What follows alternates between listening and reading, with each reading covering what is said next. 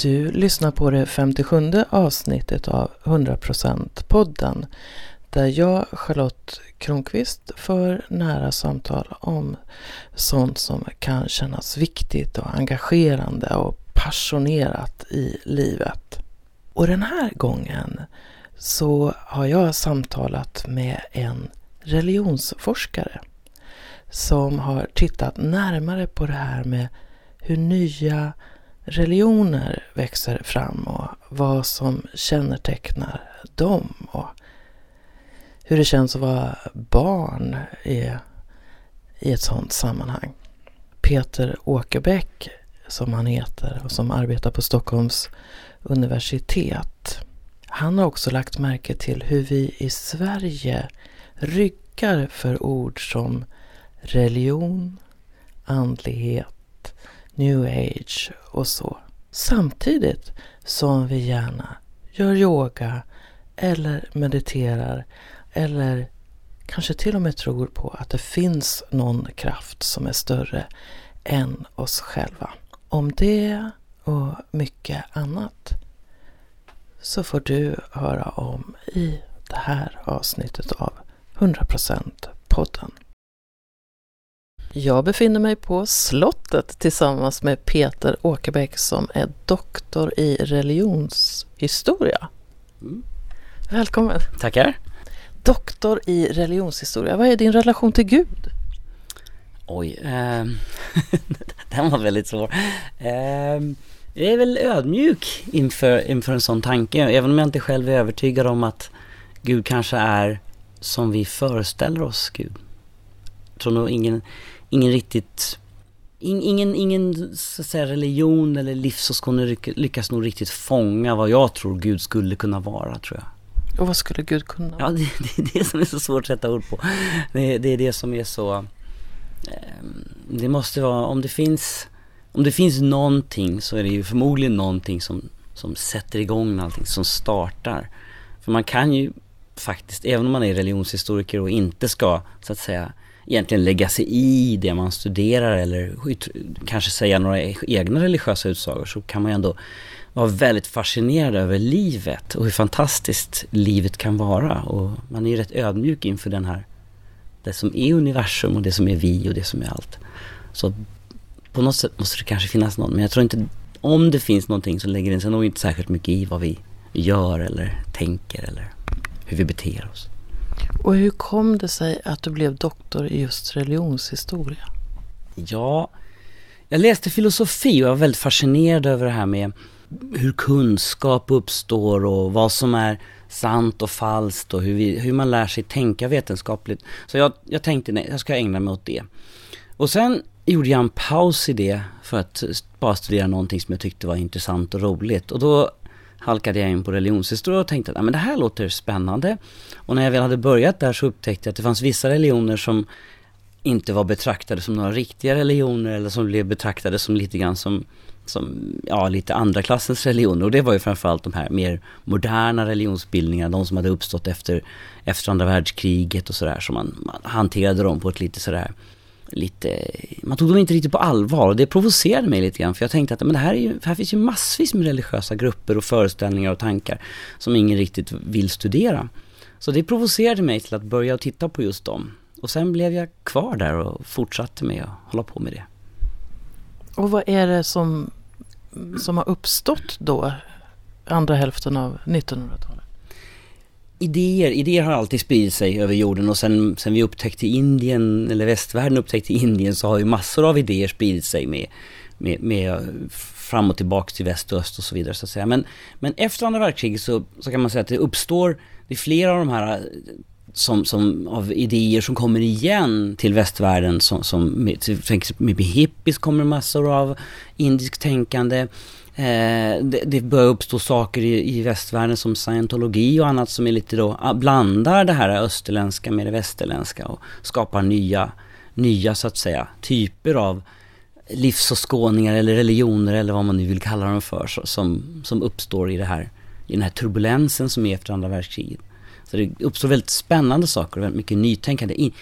mycket är ju återanvänt kan man säga. För det, är inte mycket, det, är inte, det är inte så lätt att hitta på en egen religion och komma på allt från scratch.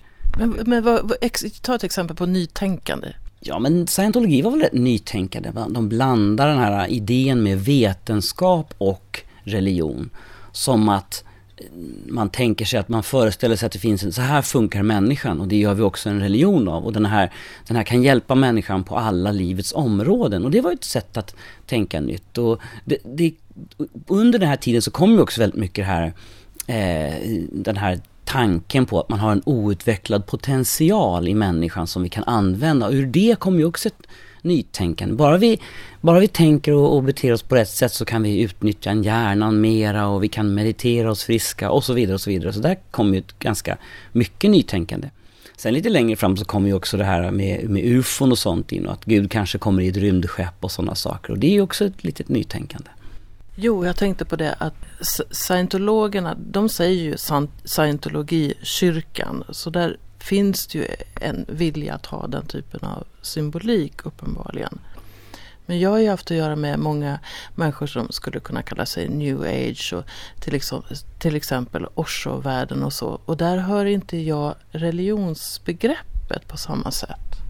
Nej, det har mycket med, med olika kulturer att göra också. Men i Sverige så har religionsbegreppet blivit ganska belastande. Det är, ganska, det är ett ganska tungt begrepp och många ser väldigt negativt på det det upptäckte vi inte minst när vi gjorde den här, jag och en kollega till mig, Liselott Frisk, gjorde en studie som heter Den mediterande dalahästen.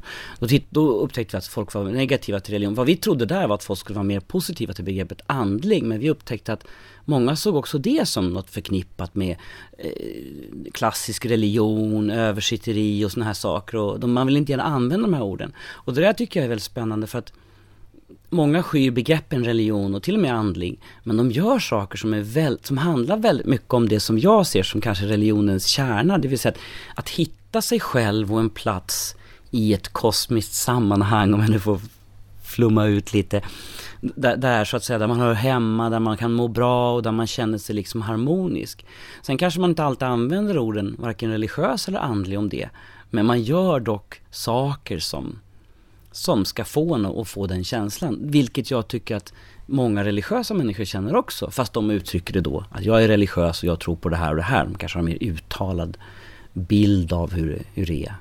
Jag är nog en, en sån där som jag har en mer sån här vag bild att det finns en mening i tillvaron, att det finns något som är större än oss och, eh, och så. Jag har svårt att mm, få in mig under någon definition eller så. Och något som har provocerat mig genom livet det är sådana som är störtsäkra på någonting som har med religion att göra.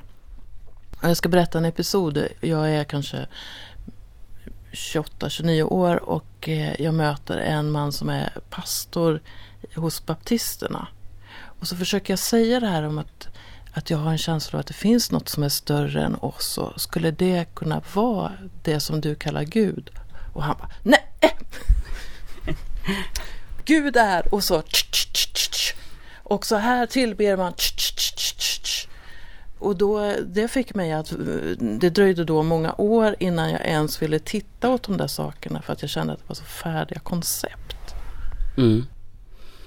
Vad tänker du när jag berättar det? Jag, jag tänker att så, så där är det för vissa. Vissa människor behöver väldigt tydliga svar. De vill ha ett svar på, när man, när man kommer in i den här livskrisen och, och söker någonting, så är det det finaste, vissa, för vissa människor är det jätteskönt att kunna få, så här och så här funkar det, du ska göra det här och det här, följ bara det här så kommer du till himlen. Och de mår jättebra av det.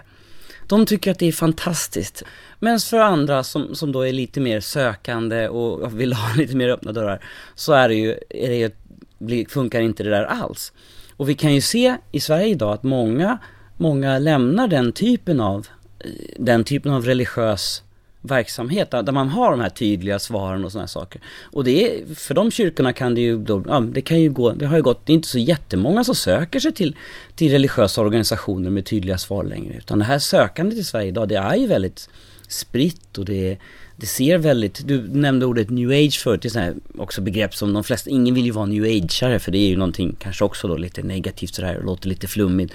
Men, men vad man nu vill kalla den här miljön för nyandlig eller eh, populärreligiös eller vad man nu vill säga.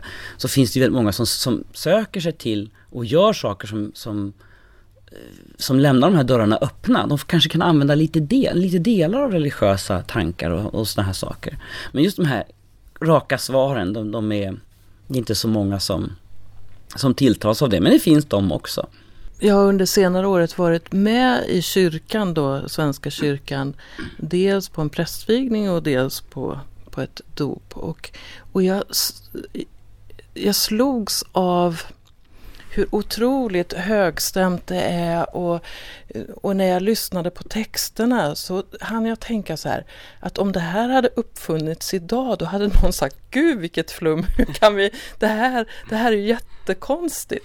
Svenska kyrkan har ju den, den det problemet kan man säga att, att den, den, vill, den vill ju vara väldigt traditionell och den vill hålla fast vid sin egen tro så att säga. Men den vill ju också öppna upp för de som faktiskt söker som söker det här eh, svaren idag. Så att den, den, har ju, den står ju med två, alltså det gäller ju att fånga upp de människor som faktiskt har religiösa grubbleri eller som har tankar kring det här. Men också hålla kvar vid sin tro och som, som är då en slags kärna. Så där, där har ju Svenska kyrkan tror jag lite svårt. Eftersom den, den, vill, den vill både ha högt i tak och ha kvar sin egen tro. Det där såg vi exempel på i Dalarna då när vi gjorde den studien. För det var ju, en, det var ju faktiskt så att man i en kyrka eh, i, i, Dalarna hade diksha, man hade en diksha-gudstjänst. Och vilket vi tyckte var wow. Så vi åkte dit och var med på den här. Och sen fick vi höra historien. Vi tänkte då, här, här är verkligen Svenska kyrkans nytänkande. Här händer det, här är progressiva saker som händer. Men så fick vi reda på att det, det hade ju varit ett ganska stort hade blivit ganska upprört när den här gudstjänsten hade annonserats. Och det var enda gången den fick hållas där, sen så var det liksom inget mer. Så det var inte helt enkelt för den här pastorn då, eller prästen i Svenska kyrkan, att ha den här gudstjänsten. Eh, så att där ser man hur, hur, svårt det kan vara. Man tar in lite nya element, man vill fånga upp dem. Och man hade ju betydligt fler besökare på den gudstjänsten än någon annan gudstjänst. Eh, ja, tre, tre, 10, 10-20 gånger så mycket människor kom. Jag har kompisar som ledde Frälsningsarmén i Malmö men som fick sparken därifrån och ett av skälen var att de hade yoga i lokalerna och det ansågs då stå för en annan religion. Och jag bara baxnar av den typen av tänkande. Ja, jag kan förstå det. Yogan är ett sånt där bra exempel på någonting som, som hade gått väldigt fort för för, för kanske en 25-30 år sedan så var yogan absolut förknippat med eh, någonting exotiskt, någonting kanske hinduiskt eller någonting annat. Och sen har det hänt, har den rest en väldig resa och idag gör man yoga på gymmen och man kan göra en yoga som absolut inte har några som helst andliga inslag. Men det, är for, det intressanta är att det fortfarande väcks lite så här upprörda stämningar då när det görs yoga i skolor eller när det görs yoga bara som en, som en slags gymnastikform. Så blir det här då misstänkliggjort. Men där, yogan är ju så här, ett otroligt roligt inslag som har verkligen har, kan man säga, där det religiösa har lite grann tagits ur yoga. Det finns religiös yoga också, absolut. Men du kan göra den på ett helt, helt fritt sätt. Så det är ju väldigt spännande att svenskar som jag anser sig vara världens mest sekulariserade folk, de använder väldigt mycket yoga. Alltså man har, man tar, och även mindfulness, man tar religiösa tekniker, man tar bort religiösa elementen och så använder man dem för att må bättre, hitta harmoni och lugn. Och det är oerhört fascinerande tycker jag. Och jag kan tänka mig att det kan bli en rundgång.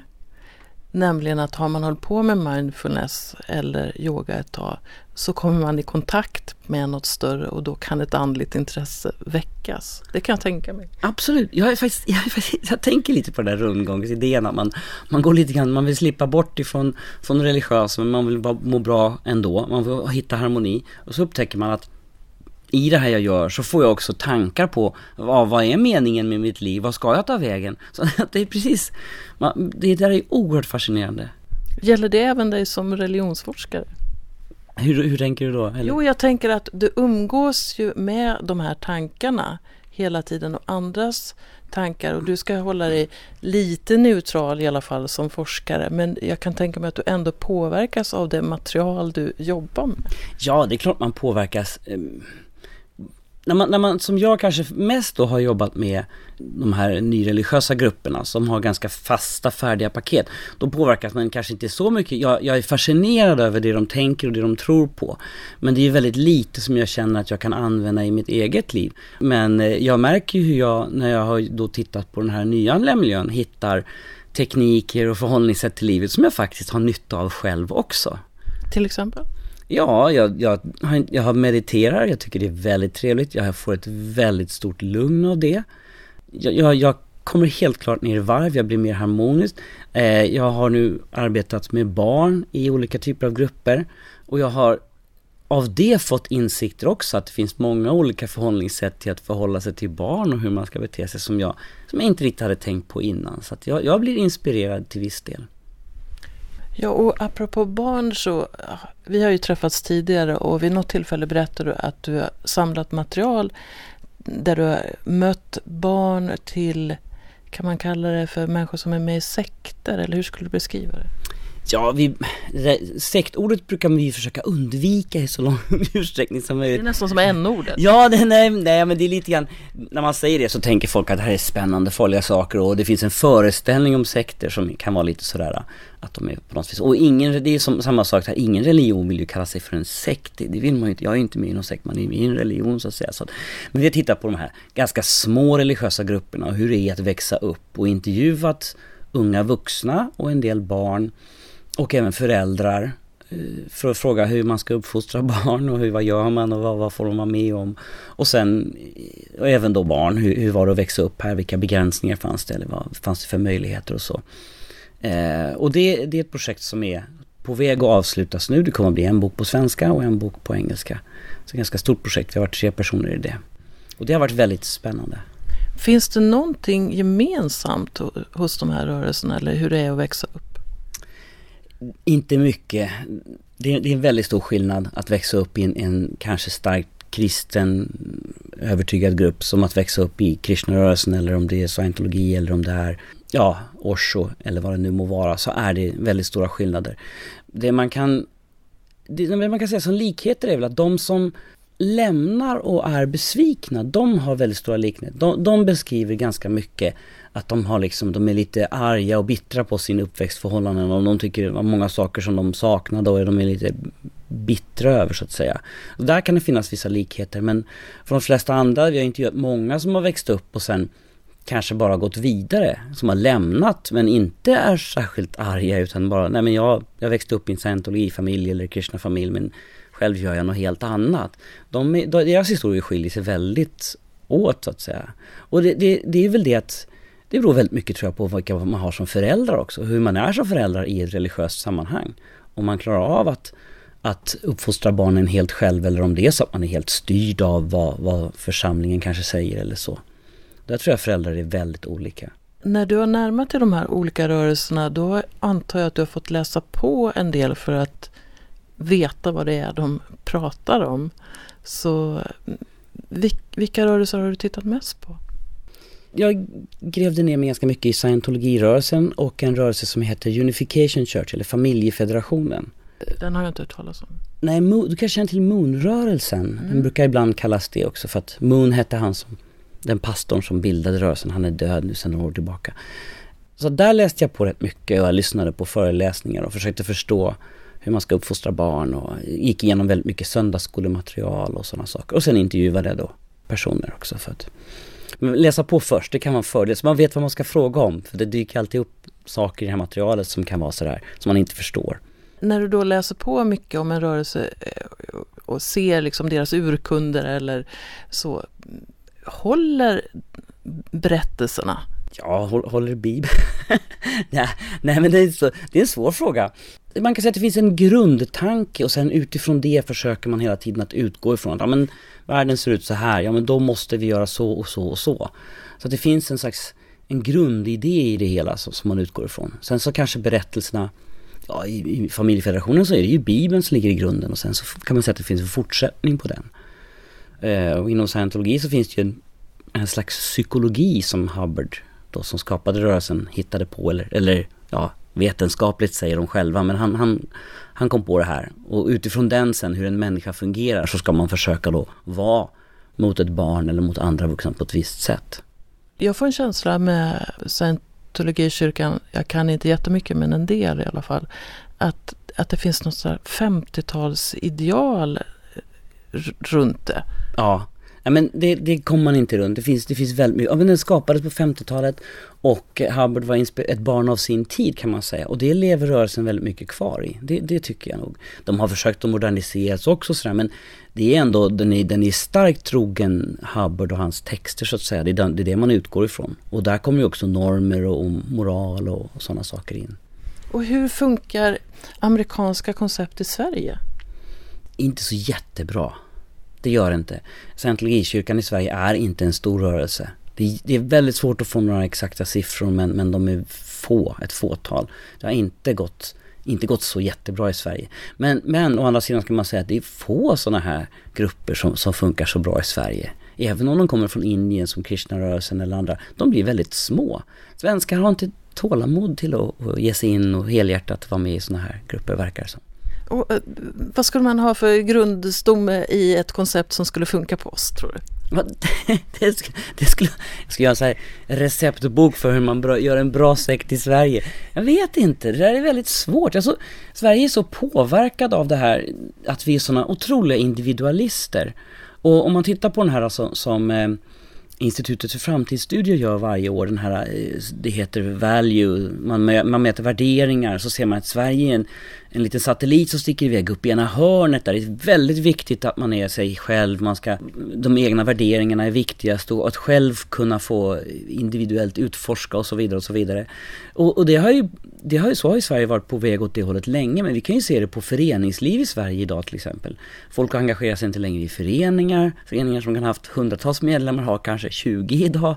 Så att det här med att engagera sig, individualiseringen är oerhört stark i Sverige, vad det är nu. Så att om om man skulle ha någon bra framgångsrik religion så måste den ta tillvara på individen på något sätt så att du själv ska kunna på något sätt utveckla dig. Jag skulle börja där i den änden om jag skulle hitta på någon.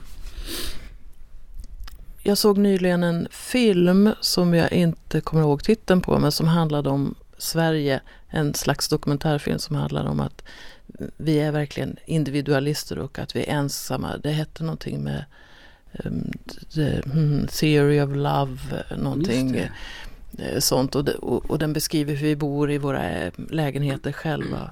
Och vi ska klara oss själva. Vi ska inte bara vara själva utan vi ska klara oss själva på något sätt. Så jag blir lite ledsen när, när du säger det. Kanske, vi kanske skulle behöva något kollektivt igen.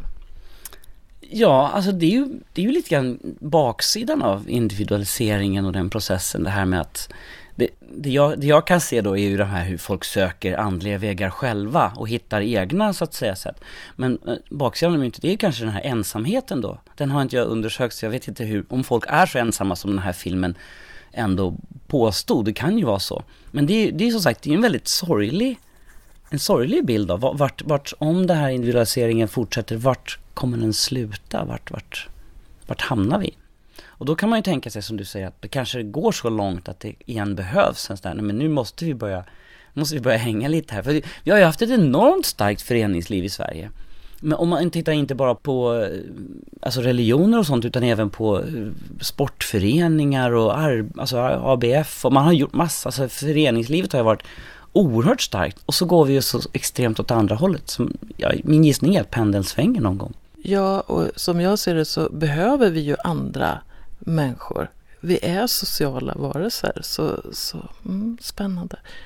Så när du behöver sällskap, när du behöver eh, gemenskap, vad gör du då?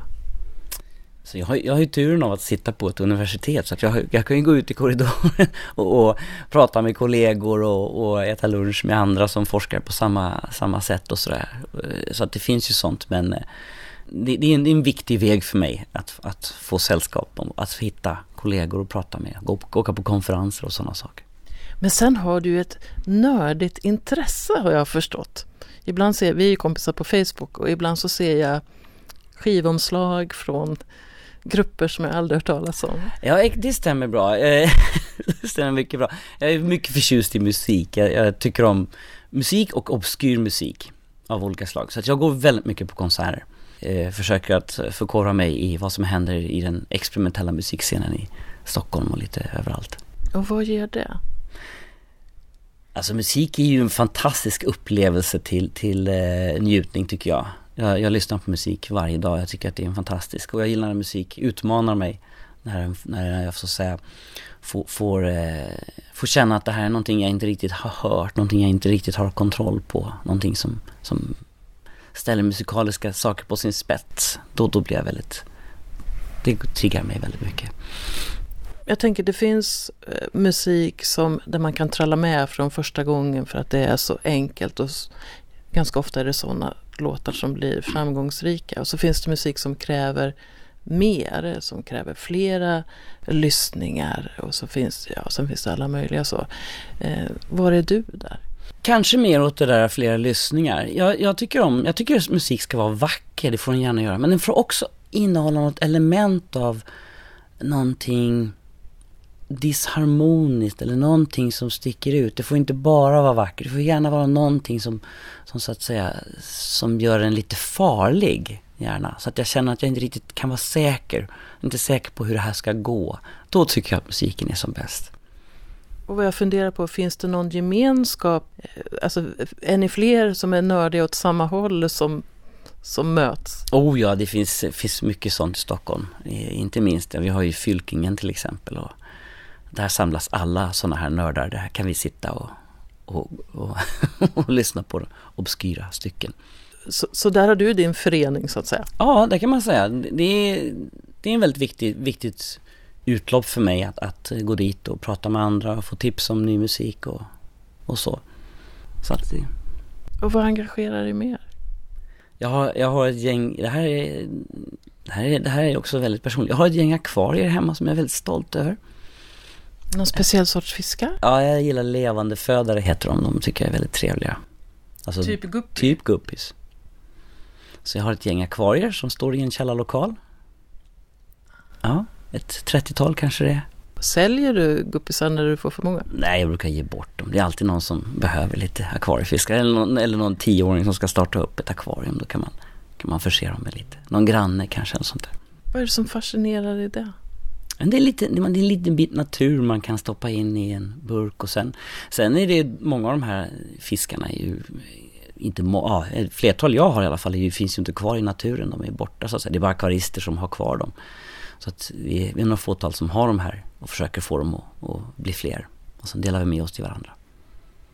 Så att människan har ju så att säga, det är, det är många fiskarter som är borta idag ur naturen som inte liksom, det är bara akvarister som håller på med dem. Wow, så det, det, finns, det är lite grann som de som samlar på fröer? Ja, precis. precis. Vi samlar på gamla utdöda fiskar som, som får bo i akvarier. Det finns ju både något vackert och något sorg, sorgligt Absolut. i det. Absolut, det är det. Och vad är kärlek för dig? Oj. Ja, det är en... Det är en oj, det var lite sådär... måste jag fundera på.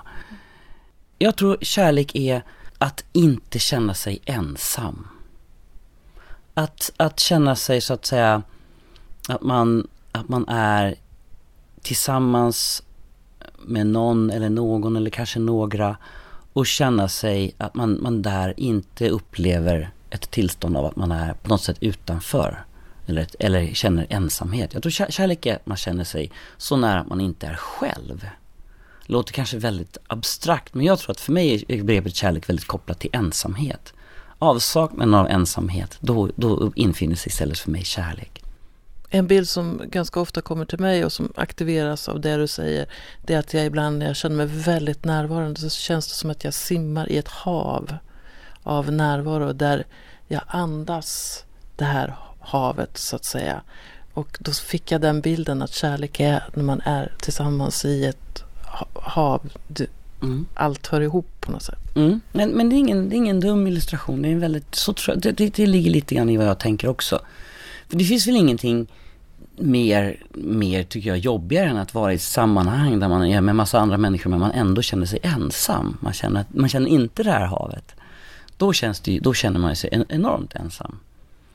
Men, men när man är tillsammans med människor man känner kärlek ifrån, då, då känner man sig mycket, mycket bättre om man känner en större närhet.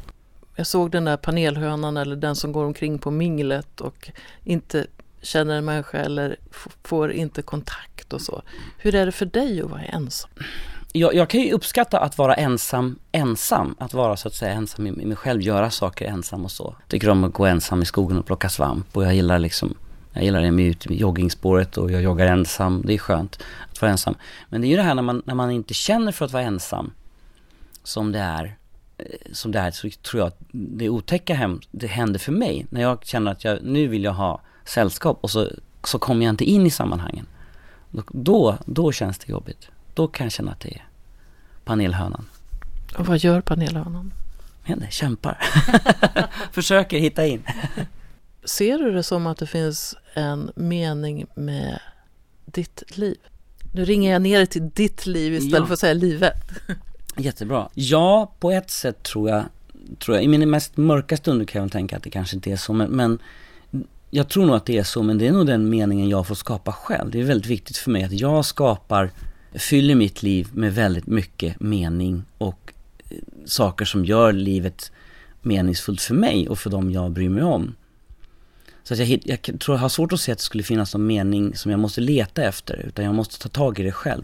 Jag är väldigt mycket lagd åt det hållet att jag, jag måste fylla mitt liv, jag kan inte sitta och vänta på att livet ska fylla sig åt mig, utan jag måste ta tag i livet, jag måste så att säga ta ansvar för det.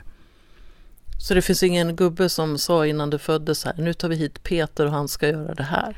Nej, det kan, så kan det vara, men jag, jag tror inte det, det är inte, jag, jag har absolut inte emot att, man, att människor tänker så, men vad jag tänker själv är att jag kan inte tänka så, för det, det blir inte kreativt för mig. Jag måste hitta ett sätt som gör mitt liv meningsfullt och hitta vägar i det.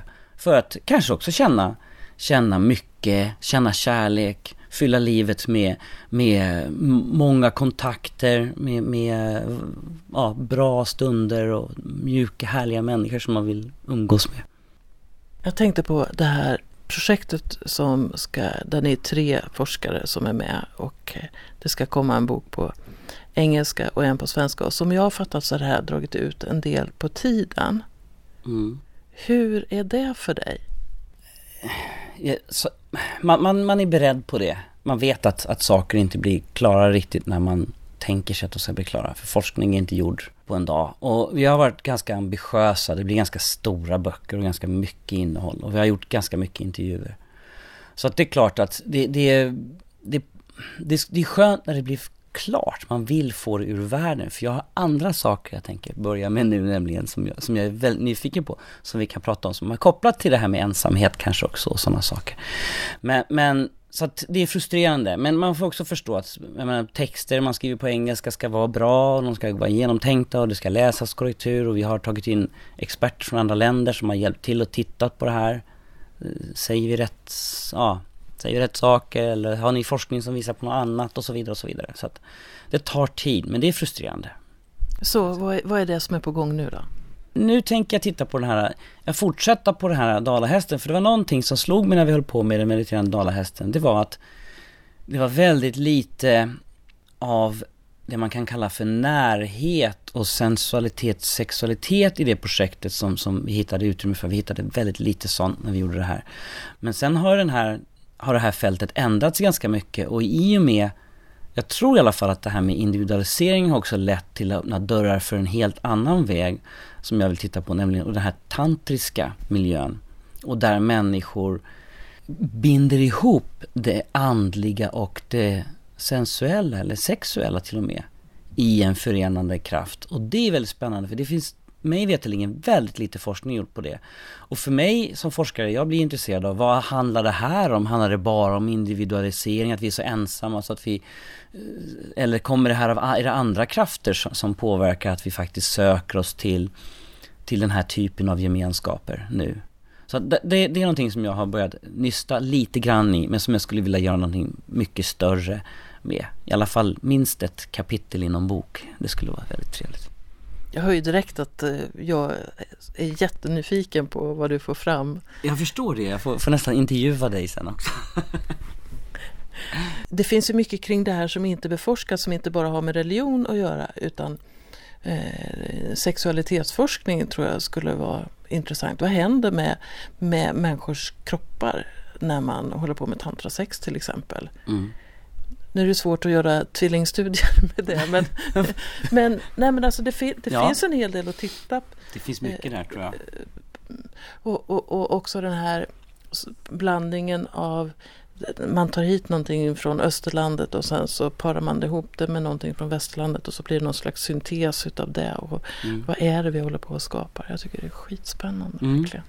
Och det upptäckte vi redan när vi höll på med Dalahästen. Man, man tar in saker, man gör dem till sina. Man, man, behåller också det traditionella och man behåller väldigt mycket av vem man är. Men man, man gör också, man tar in saker som man, man kan omforma och göra till sin egen. Som yogan till exempel. Man gjorde en, vi hittade en massa personer som gjorde en egen form av yoga som var kopplad till kanske Siljan eller till Dalarna eller någonting. Och sånt tycker jag är spännande. Och samma sak blir det nog här. Det här blir nog ett utforskande fast på de här människornas egna premisser så att säga. De som deltar i det här gör det på sitt, med sitt sätt så att förhålla sig till sig själv.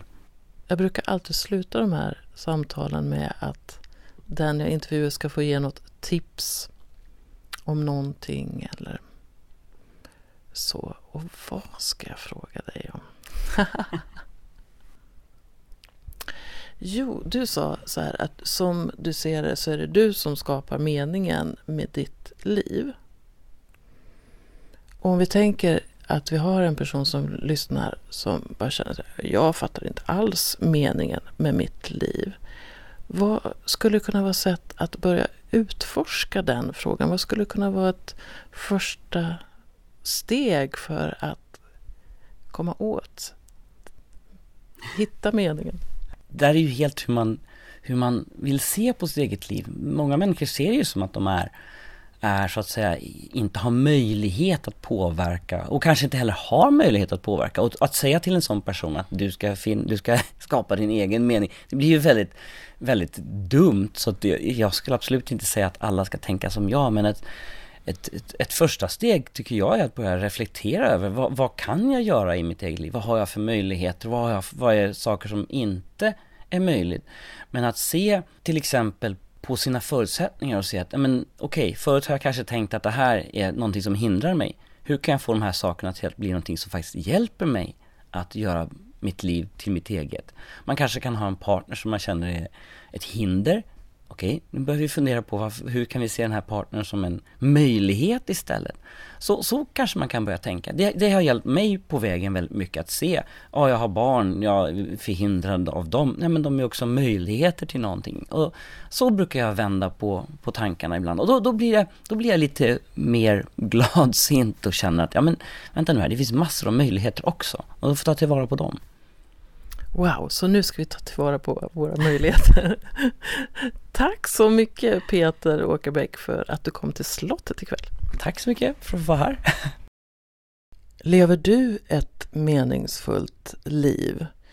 Och vad är i så fall meningen med det?